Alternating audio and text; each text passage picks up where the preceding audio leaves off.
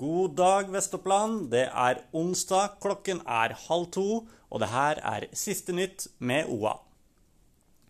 BankID opplever onsdag innloggingsproblemer for Telenor-kunder.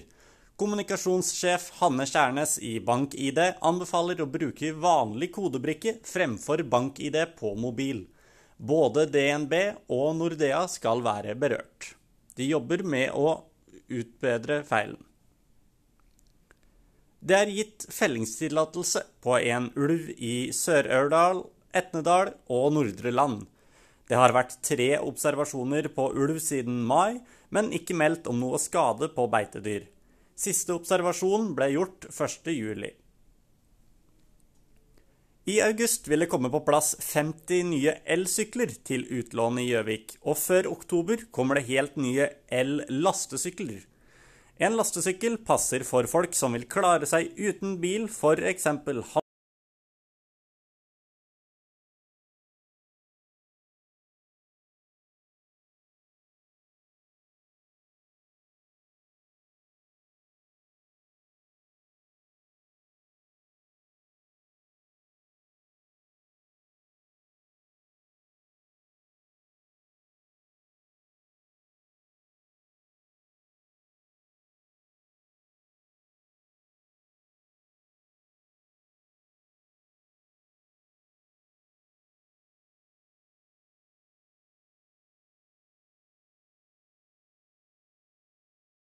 Siste nytt med OA.